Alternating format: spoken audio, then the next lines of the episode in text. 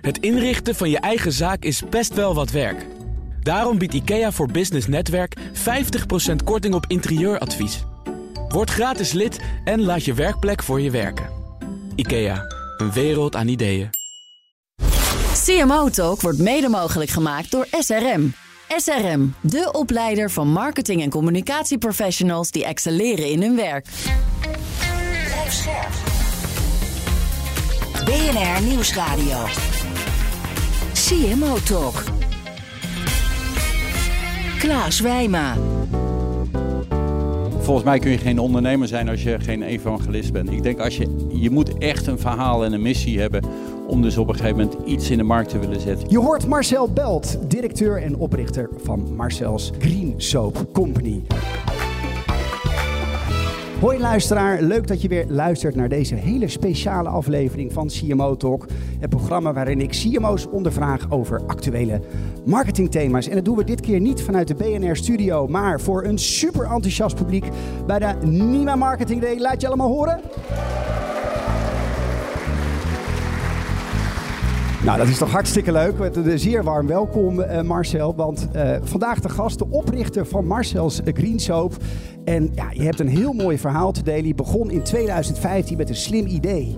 Producten die je huis en de wereld schoonmaken. Nou, wie wil dat nou niet? In 2018 nam je driehoek over, de bekende gele fles met het groene dopje van, eh, eh, van Unilever.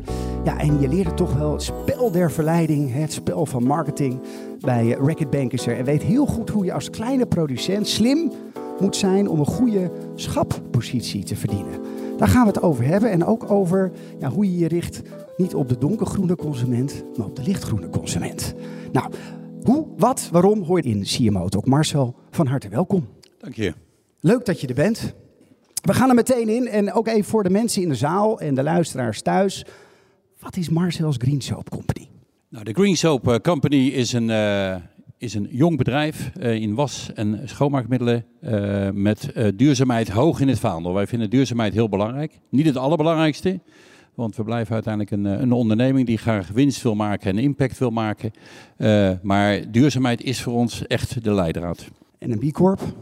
Eh, B Corp, daar hebben wij over nagedacht. Maar volgens mij wordt iedereen tegenwoordig B Corp. En wij doen altijd alles net wat anders dan iedereen. Dus wij worden nog even geen B Corp. Ja, want als Nestlé met Nespresso een B Corp kan worden, dan zeg je, daar gaan we niet aan meedoen. Ja, dan snap ik even niet meer wat een B Corp is. Hey, je eigen naam voeren voor je eigen merk, voelt het toch niet een beetje awkward?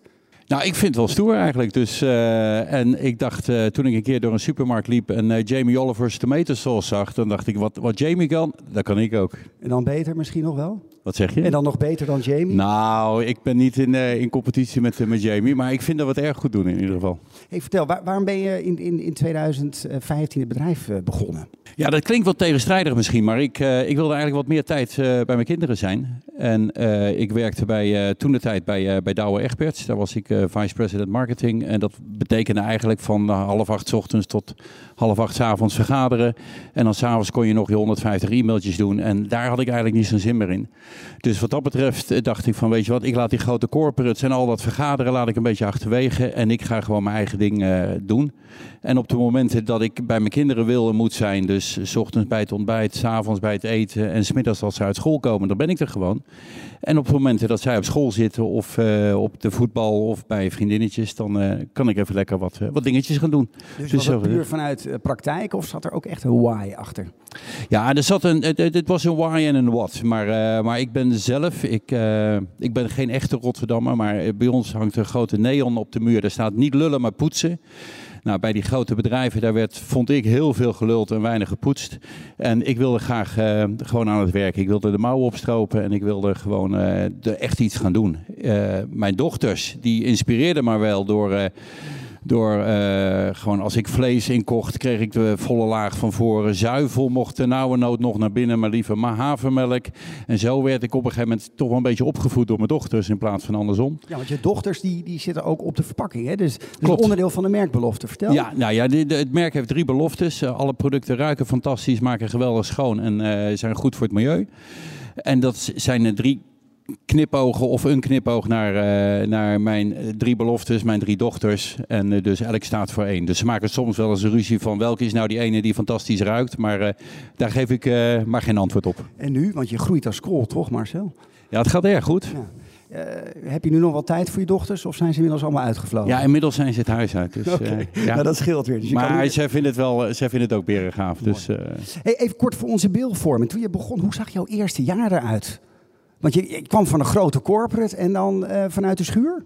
Ja, ik zat in mijn kantoortje thuis en eh, ik vond het allemaal wel heel raar en, en, en heel moeilijk. Dus allemaal vrienden en, en mensen die elke dag naar kantoor gaan. En dan zat ik daar achter mijn, achter mijn laptopje boven. Eh, maar veel geschreven, veel nagedacht, eh, veel met consumenten of met, eh, met mensen gepraat voor wie ik de producten aan het, aan het verzinnen was. Me heel erg ingelezen op het duurzaamheidsverhaal. Dus echt snappen waar gaat palmolie over, waar gaat recycled plastic over. Zodat als je op een gegeven moment dan met dat verhaal komt, dat je ook, ook weet waar je het over hebt. En wanneer ging het nou echt vliegen? Wij gingen eh, op de fiets, eh, ging ik de doosjes eh, in naar de markt brengen. En dat is ehm 1 maart eh, 2017 was dat. Dus dat was zeg maar ruim een jaar nadat ik begonnen was. Maar het was niet een instant hit, toch? Nou, ik had met opzet eh, besloten in het begin om ik wilde buiten de mass retail blijven en ik wilde buiten mass media blijven. Eh, om de hele praktische overweging dat ik eh, het bedrijf tot op heden nog uit mijn pensioenpotje aan het financieren ben. Eh, ja, en als ik dag één bij Albert Heijn of bij, bij Jumbo was binnenkomen lopen, dan zeggen ze, nou maak eerst je zakken maar even leeg en dan praten we dan wel verder. En datzelfde geldt voor de ster natuurlijk ook. Dus eh, ik wist dat ik gewoon eerst even een base moest bouwen. Dus dat heb ik gedaan met, met hele mooie en leuke retailers als Loods 5, eh, Intratuin, Waarwinkels, Ecoplaza. Waar het allemaal wat, wat, zeg maar, wat gemoedelijker aangaat. En waar je inderdaad niet gelijk met hele diepe zakken hoeft te komen. Echt bootstrap marketing, zou je Ja, kunnen. ja, ja, en in het begin ook wat betreft mass media eigenlijk alleen gefocust op, eh, ja, op social media. Is Marcel's Green Soap het bewijs dat je via social merk kan bouwen? Ja, zeker wel. Nou, ik ben niet het bewijs, want ik denk dat er een heleboel grote en mooie merken in Nederland ook eh, mij al wel voorgegaan zijn daarin. Zoals eh, Rituals, zoals Tony Chocoloni. En merken die je eigenlijk ook zelden of nooit op tv ziet. Maar eh, toch ja, hele mooie successen zijn. Ja, mooi. Hoe gaat het nu? Eh, hoe- eh, kan je iets zeggen over je omzet? Ja, wij gaan eh, richting de 15 miljoen omzet. Het merendeel daarvan eh, komt eh, uit Nederland. Eh, dus ik weet nog wel helemaal in het begin, mijn eerste productie waren 80.000 flesjes. En eh, die kwam bij mij de straat binnenrijden, want ik had vergeten door te geven dat het naar een magazijn toe moest. Eh, 80.000 flesjes, ongeveer vier vrachtwagens vol. Dus eh, daar hadden we het eerste probleempje al te pakken. En ik dacht van, hoe ga ik ooit in mijn leven deze flessen nog verkopen? Dus ik dacht echt dat ik en vrienden, familie, iedereen heeft voor de rest van zijn leven wel genoeg zeep in huis. Eh, maar zes, zeven maanden later was het op. En toen moest ik weer een tweede productieorde plaatsen bij, eh, bij de fabriek. En toen zag ik daar toch wel eh, snelheid en rotatie in komen. Dus eh, ja. En je hebt inmiddels 60 stock keeping units, de zogenaamde SKU's. De mensen die in retail zitten, die, die kennen die afkorting. Inmiddels in het portfolio. Wat zijn nou echt, ja, de, echt de groei, de, de snellopers, de hardlopers? Ja, de hardloper is, eh, is handzeep. Handzeep is echt onze grootste categorie. En dat hebben we ook met de opzet hebben we dat heel erg gepusht. Handzeep is een soort brug tussen schoonmaakmiddelen aan de ene kant en verzorgingsproducten aan de andere kant. Dus door handzeep in het begin heel hard te groeien, waren we daarna ook in staat om naar allesreinigers en toiletreinigers aan de ene kant te gaan en aan de andere kant ook showergels en shampoos te introduceren. Stel, ik was met toiletreinigers begonnen, dan wordt het erg lastig om aan diezelfde consument daarna een shampoo eh, te verkopen. Dachten wij. En nu 60. En, en wil je door met de introductie van eh, nieuwe producten? Of zeg je, nou, het is nou wel even genoeg. Nu even gas geven op Ja. eh, de bestaande producten. Ja, ik word door steeds meer mensen op mijn vingers getikt, want ik ben erg enthousiast. Dus gauw als ik een mooie opportunity zie, dan wil ik graag die producten in de markt brengen. Dus, eh, dus maar ik denk dat we het eventjes bij de 60 moeten houden, want het begint een aardig zootje te worden. Hey, en ja, nog even naar, naar de, de, de stap naar duurzaamheid en, en de groene consument. Eh, je zet nu ook volop in op refills. Hè, want eh, jullie hebben een aantal hele mooie claims over, op jullie producten staan. Daar gaan we het zo nog even over hebben. Maar refills eh, zit- zijn echt nieuw. Zit daar echt ook wel groei in? Gaan consumenten echt met een oud eh, gerecycled plastic flesje terug naar de supermarkt om ja, onder een containertje weer Ja, af te ons, sys- tappen? in ons systeem hoef je niet naar de, naar de supermarkt of naar de winkel om te refillen. Je koopt een, een plastic zak waar inderdaad ons product in zit. En daarmee kun je dus de fles die je al gebruikt hebt of een willekeurige andere fles thuis refillen. Ehm, waar wij in geloven is, en dat is ook dat lichtgroene waar we het zo nog over gaan hebben. eh, door de consument kleine stapjes te laten maken, kun je ze meenemen. Als je aan een consument in één keer vraagt om haar hele gedrag, wat ze al 10, 20, 30 jaar doet, van de een op de andere dag te veranderen, dan is dat heel erg moeilijk en krijg je daarmee ook maar heel weinig mensen mee. Dus wat wij nu eigenlijk vragen is iets wat zij in allerlei andere categorieën al doet, ehm, om dat nu ook voor wasmiddelen, schoonmaakmiddelen, handzeepjes en dergelijke te gaan doen. En de, de zakken die we hebben, dat is allemaal monomateriaal, dus 100% recyclebaar en ongeveer zo'n 80% minder plastic. Dus ook qua duurzaamheidsimpact maken we, vinden wij een hele mooie stap, maar ook weer een, een, een stap in de goede richting. Niet gelijk vijf stappen. Nee. En eh, dat, je- dat is een mooi antwoord al op mijn vraag die ik wilde stellen. Maar natuurlijk het product zelf. Hè, in hoeverre is dat nou echt duurzaam? Is die, is die zeep echt afbreekbaar? Eh, dat je dat gewoon met een gerust hart kan doorspoelen? Ja, dat kan. Hij is eh, afhankelijk van de formulering is die 98, 99% biologisch afbreekbaar. Eh, maar onze producten zijn lichtgroen. Dus wat bij mij voorop staat is dat consumenten het kopen. Want ik kan ontzettend groene producten maken. En die zet ik dan ergens mooi op een schap in het winkel. En dan kan ik elke week kan ik naar die winkel gaan om die fles af te stoffen. Maar dan gaan consumenten het gewoon niet kopen. Dus wat ik wil is allereerst een product wat consumenten willen. En daar kijk ik naar en dan proberen we die zo te ontwikkelen dat daar gewoon een aantal duurzaamheidsaspecten aan zitten. Het klinkt eh, echt nu allemaal als een succesverhaal, Marcel. Maar er gaan ongetwijfeld ook dingen mis. Ik kan me voorstellen dat de inflatie je zorgen baart. Hoe, ga je daarmee om als, als toch een relatief kleine partij? Richting die grote ja, mammoeten als Albert Heijn en Jumbo. Die zeggen, ja leuk Marcel, maar eh, het is leuk dat je een prijsverhoging wil doorvoeren. Wat zeg je dan? Nee, dat, dat zijn hele lastige discussies. Want eh, je, als je Unilever of Nestlé bent, dan, eh, en je komt inderdaad bij Albert Heijn of Jumbo binnenlopen, dan, dan heb je net wat, wat meer power om inderdaad je prijsverhoging er doorheen te krijgen. En voor ons is het heel erg lastig. En ja, de truc is om ook qua gevoel en uitstraling hen toch ook de indruk te geven van ja, liever niet, maar we kunnen ook zonder jou. Dus eh, uiteindelijk als het op een gegeven moment, als het lijntje breekt, ja, dan, dan moeten we waarschijnlijk afscheid van elkaar gaan nemen. Ben je bereid om dat offer ook te maken voor zo'n grote retailer? Zeg, ja, valt toch wel een groot stuk van je omzet weg?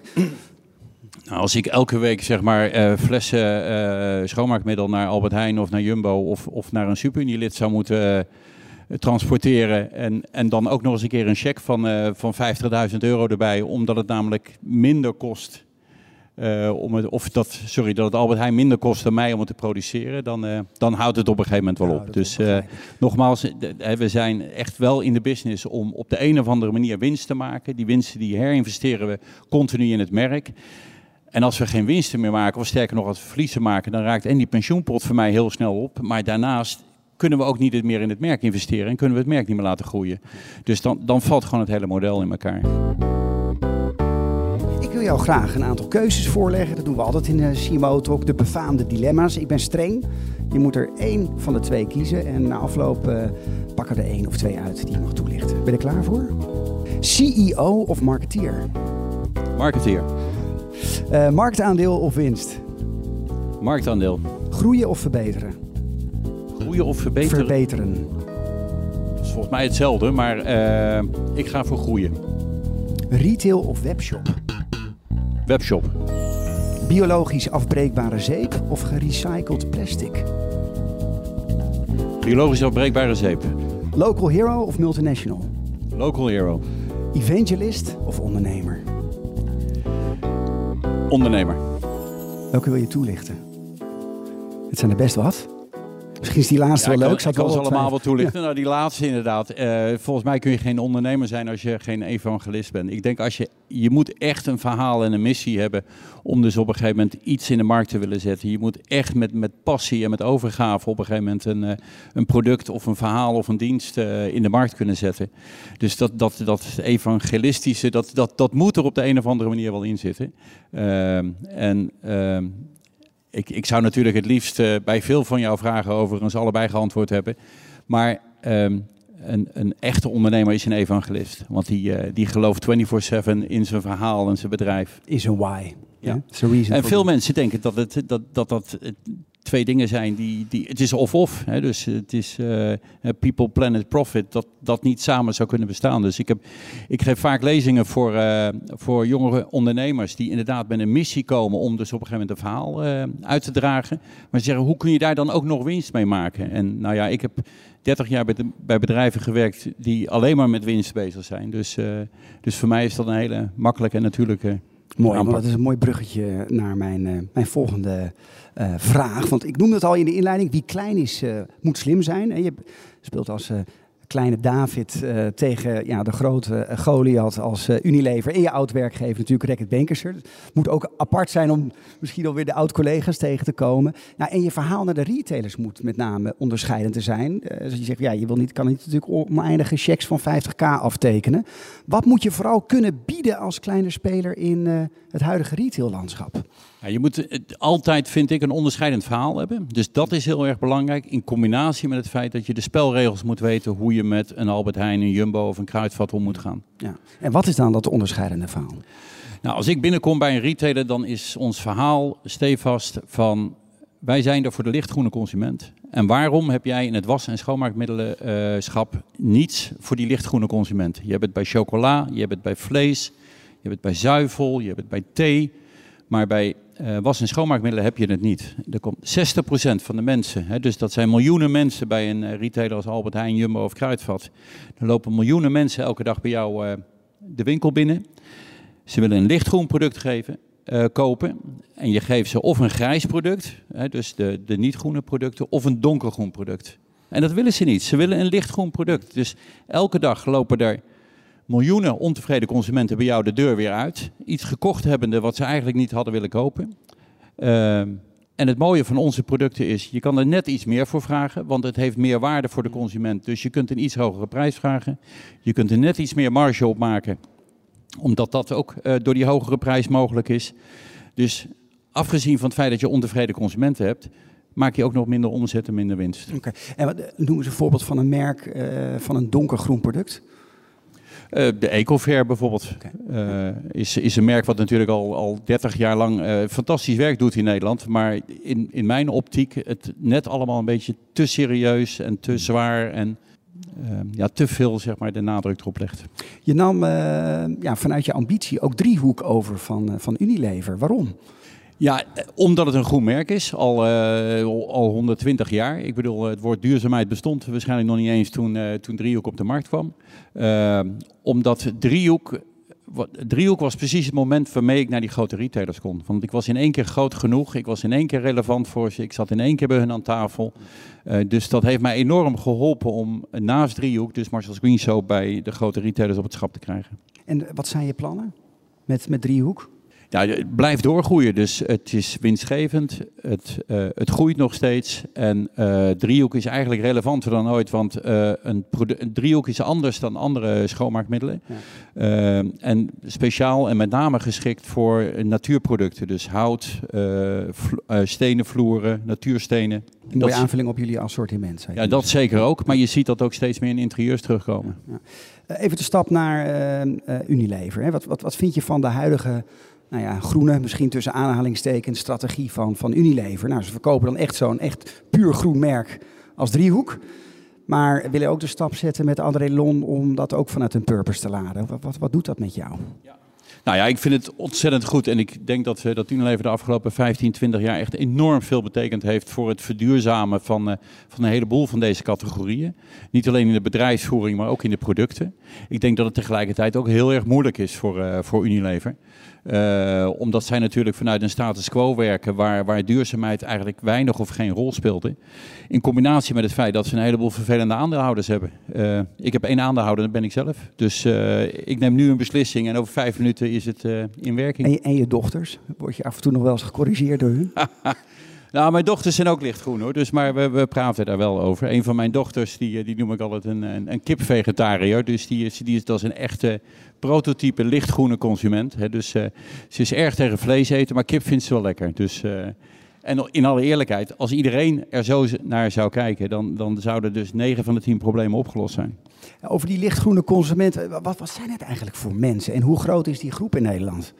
Ja, dat is eh, wat ik net al vergeten ben te zeggen toen we het over die retailers hadden. Hè. Die miljoenen mensen die, eh, die de winkel binnenkomen. Zo'n 60% van de Nederlanders die uh, rekent zichzelf als lichtgroen. En ik denk hier in de zaal zal zeg maar 70, 80, 90% misschien wel lichtgroen zijn. En je hebt de donkergroene consumenten, die staan op met duurzaamheid en die gaan ermee naar bed. hoe lang ze douchen en dat het koud is en, en wat voor kleding ze aantrekken, wat ze eten hoe ze zich op een gegeven moment naar een werk toe begeven. In alle uh, acties die ze elke dag ondernemen, daar zit een duurzaamheidscomponent in. En bij lichtgroene consumenten is dat ook wel zo. Maar ja, als het regent, dan pak ik toch wel echt de auto. En uh, ja, af en toe die barbecue aansteken, dat mag en dat kan ook wel. En die uh, lichtgroene consumenten, daar herkennen inderdaad heel veel mensen zich ook echt wel in. En wat ik net ook al zei, van, door dat lichtgroene te doen zijn een heleboel problemen raken al opgelost. dus de behoefte aan heel veel palmolie, de behoefte aan, uh, aan, aan de bio-industrie en dat soort dingen, die verdwijnt. Als je nu terugkijkt op jouw ondernemersreis als uh, marketeer, wanneer ben jij klaar? En wat heb je het meest geleerd van de afgelopen jaren? Nou, ik ben nog lang niet klaar. Je bent net 50 geworden, toch? Ja, nou ja, volgend jaar 60. Maar uh, ik, heb, uh, nou, ik ben nog lang niet klaar. Want ik, ik, ik vind dit zo'n fantastisch mooi avontuur. En, uh, ik zie het ook, je Ik straalt. ben dus op mijn, op mijn, op mijn 53, 54 hiermee begonnen. En ja, god, dat zeg je wel vaker met dingen. Was ik er maar eerder aan begonnen. Maar goed, het is eigenlijk mooi zoals het is. En eerst gewoon die, die hele tijd en dat hele leven in die corporate wereld... heb ik ook als erg mooi en fantastisch ervaren. Um, dus, maar ik blijf hier zeker nog wel eventjes uh, een tijdje mee doorgaan. En uh, je grootste of belangrijkste les die je geleerd hebt de afgelopen zeven jaar? Ja, niet lullen, maar poetsen. Uh, dus alles is gewoon mouwen opstropen. En, en, en, en 90% van wat we doen is gewoon ja, gezond verstand. En gewoon op een slimme manier naar de business kijken. En ja, die, die, die consument, daar gaat het om. Dus met alles wat je door je handen laat glijden van... Hoe kijkt die consument er tegenaan? Of hoe is diegene die dit koopt, hoe gaat hij dit beleven? Stelling voor jou, want dat doe ik altijd in CMO Talk. Hier komt de eerste. Als je, het aan kleine, als je het als kleine producent wil redden op het schap, geef dan je marketingbudget het eerste jaar uit aan de retailer en niet aan een campagne. Nou, ik denk dat je dan even door moet sparen. Ik denk dat je echt allebei moet doen. Uh, want het is, uh, je hebt geld nodig om goed op het schap te komen. En dus ook mee te kunnen doen aan die promoties en die folders en dat soort dingen meer. Maar dan sta je eenmaal op het schap en dan krijg je zes maanden of twaalf maanden de tijd om inderdaad die rotaties op gang te krijgen. En dan zou je toch echt ook die communicatie met de, met de consumenten moeten opstarten. Is dat spel nu heel anders geworden voor jou als ondernemer versus je tijd bij Racket? Hoe je met... ja, met distributiekanalen omgaat? Ja, zeker. Want het is de, bij, in mijn tijd bij Racket, dus dan hebben we het over 2005, 2008, zo die periode. Uh, daar was, uh, had je drie loketten. Dat was Albert Heijn, Jumbo en, of toen Jumbo niet eens. Het was Albert Heijn en Superunie. En daar moest je liggen. En als je daar niet lag, dan, dan kon je je boeltje weer inpakken. En uh, tegenwoordig uh, doe ik in, in food retail doe ik zo'n 50, 55 procent. Maar de andere helft zit dus in andere type retailers.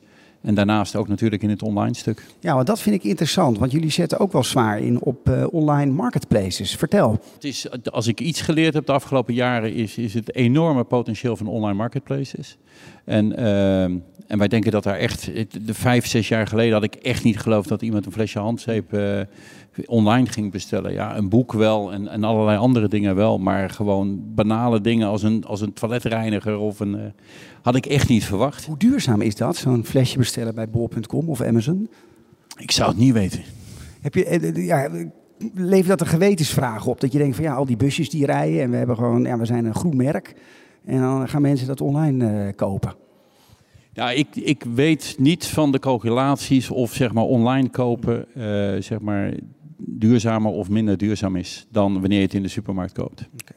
Ik uh, heb een kettingvraag voor je, estafettevraag. Want ik gaf het net al aan, Renske uh, Tilloze, Head of Marketing van Dopper. Ook zo'n mooi groen merk, overigens wel een B Corp.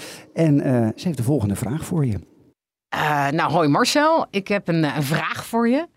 met Marcel's Green Soap zijn jullie een challenger in de, in de zeepcategorie door duurzamer te produceren. En ik heb het net ook gehad over partners. Ik vroeg me af, hoe zie jij merken als Zeepje en Ecover? Eh, zie je die als concurrenten of als medestanders?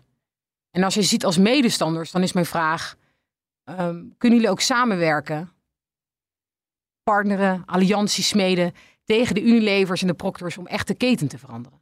Ja, mijn grootste concurrent, uh, dat is de consument die het allemaal niks interesseert. Uh, want, want die consument die zal uiteindelijk het goedkoopste of, of het meest toegankelijke of hetgene wat net bij haar om de hoek toevallig in de schappen ligt, kopen. Dus dat is mijn zorg.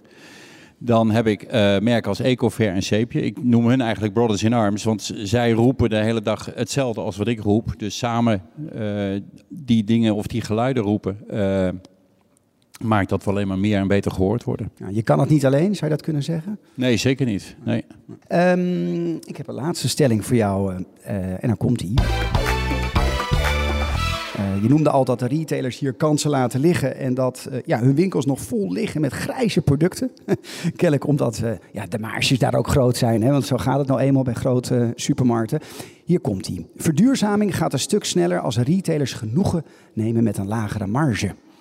Ja, volgens mij hoeft dat niet. Volgens mij is duurzaamheid niet iets wat lagere marges op moet of op gaat brengen.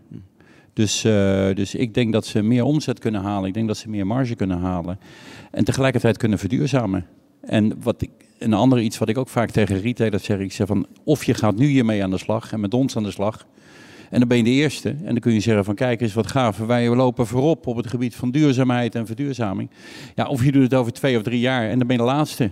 Dus dan is het van, oh, eindelijk komen zij ook eens een keer met wat duurzaams. Dus maar het feit dat duurzaamheid dat schap over gaat nemen, dat, dat, is, uh, dat staat al vast. Mooi. Ik heb nog een aantal uh, persoonlijke vragen voor je. En uh, dan ronden we straks af met de kettingvraag van onze komende gast. Wat was jouw laatste aha-moment? Dat je dacht van, oh, nou, daar hadden we het net al een beetje over. En dat waren die, die marketplaces. En dat is, uh, vind ik, zo'n fantastisch uh, uh, manier om zeg maar, je producten bij consumenten onder de aandacht te brengen. En met name in het buitenland helpt het ons heel erg. Uh, wij liggen vrij breed op Amazon. Daar besteden we ook echt heel veel tijd en energie aan. En het mooie van bijvoorbeeld Amazon Duitsland is. Uh, wij adverteren op Amazon met de consumenten die met één klik op de knop vervolgens ook die producten dan kunnen kopen. En dat is voor mij de entry-strategie in Duitsland. Op een andere manier zou ik het als, als kleine ondernemer niet kunnen doen. Uh, want ik kom dan bij een retailer te liggen in, ik noem maar wat, 500 winkels. Nou, dat is niets natuurlijk in Duitsland. Maar ik zou wel op tv moeten, of ik zou wel op outdoor of op andere media moeten proberen om die, vijf, die consumenten van die 500 winkels te pakken te krijgen. En dat lukt gewoon niet. Dan kom je er niet tussen bij een Unilever of een Henkel of dat soort, uh, dat soort spelers. Schiet me opeens een dilemma, uh, extra dilemma naar binnen. Mag ik die nog even stellen? Amazon.com of bol.com? Ja, allebei.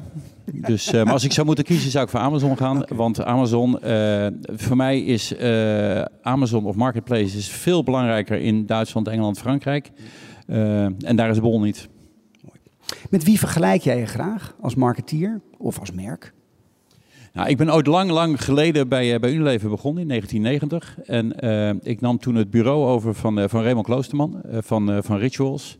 En als ik zie wat hij de afgelopen 15 jaar uh, gedaan heeft, dat vind ik echt fenomenaal. Dus, en ik leer eigenlijk nog altijd of elke dag van hem.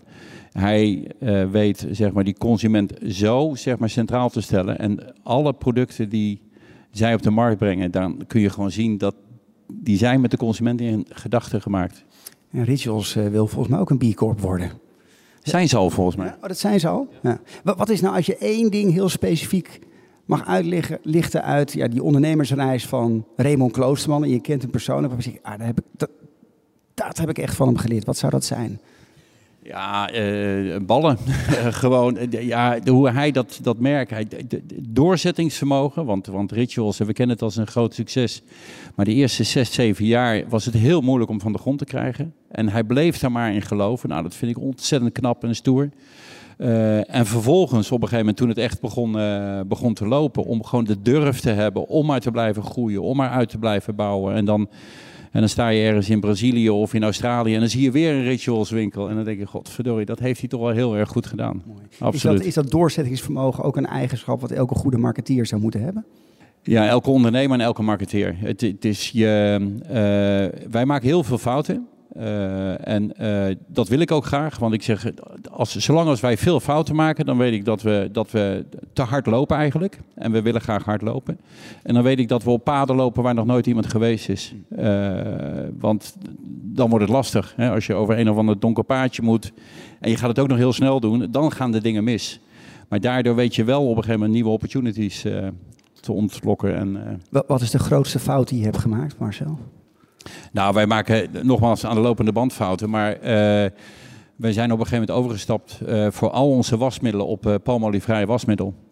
waar, en de eerste productie, dat waren 100.000 flessen, die, die waren allemaal niet goed. Dus die konden we zo weer terugnemen.